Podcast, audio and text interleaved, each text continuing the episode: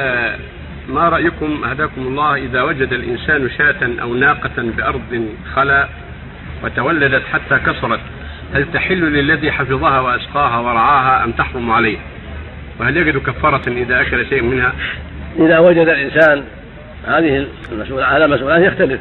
إذا وجد الإنسان شاة من الضان أو من المعز في مكان يخشى عليها منه لأنها ليست قريبة من من السكن من السكان ومن أهل الأغنام ونحو ذلك فإن هذه تسمى لقطة فإذا أخذها وعرفها سنة في مجامع الناس ومظان معرفتها ولم يعرفها أحد فإنها تكون له تكون من عرض ماله ويتصرف فيها كسائر ماله بعد السنة.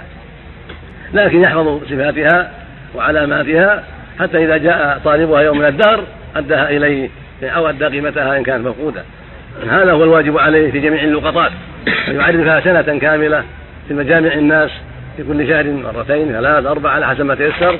فإن عرفت في السنة فالحمد لله وإذا استعملها كسائر ماله.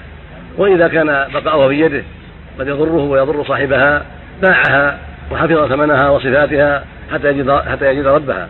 وإذا كان في قرب المحاكم قرب البلاد اتصل بالمحكمة وضبطها عند المحكمة وإن شاء جعلها عند محكمة حتى تحفظ عندها فإذا جاء ربها سلمت له وإن شاء حفظها عنده حتى تمر السنة.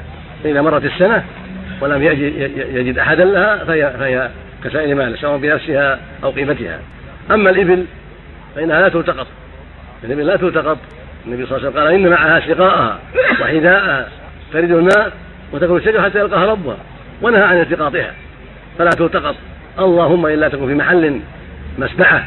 يعني على خطر من أن تتلف بالسباع التي في الأرض فحينئذ يسوقها إلى الأرض السليمة حتى تبتعد عن أرض الخطر ويكون مأجورا في ذلك وأما أن يأخذها فلا لأن الرسول نهى عن التقاط الإبل وقال إن معها سقاءها وحذاءها تجد ما تكون شجرة حتى يلقاها ربها.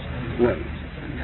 بقي السؤال إذا وجد ناقة لا يعرف صاحبها ثم حلبها وشرب لبنها هل يجد كفارة لذلك؟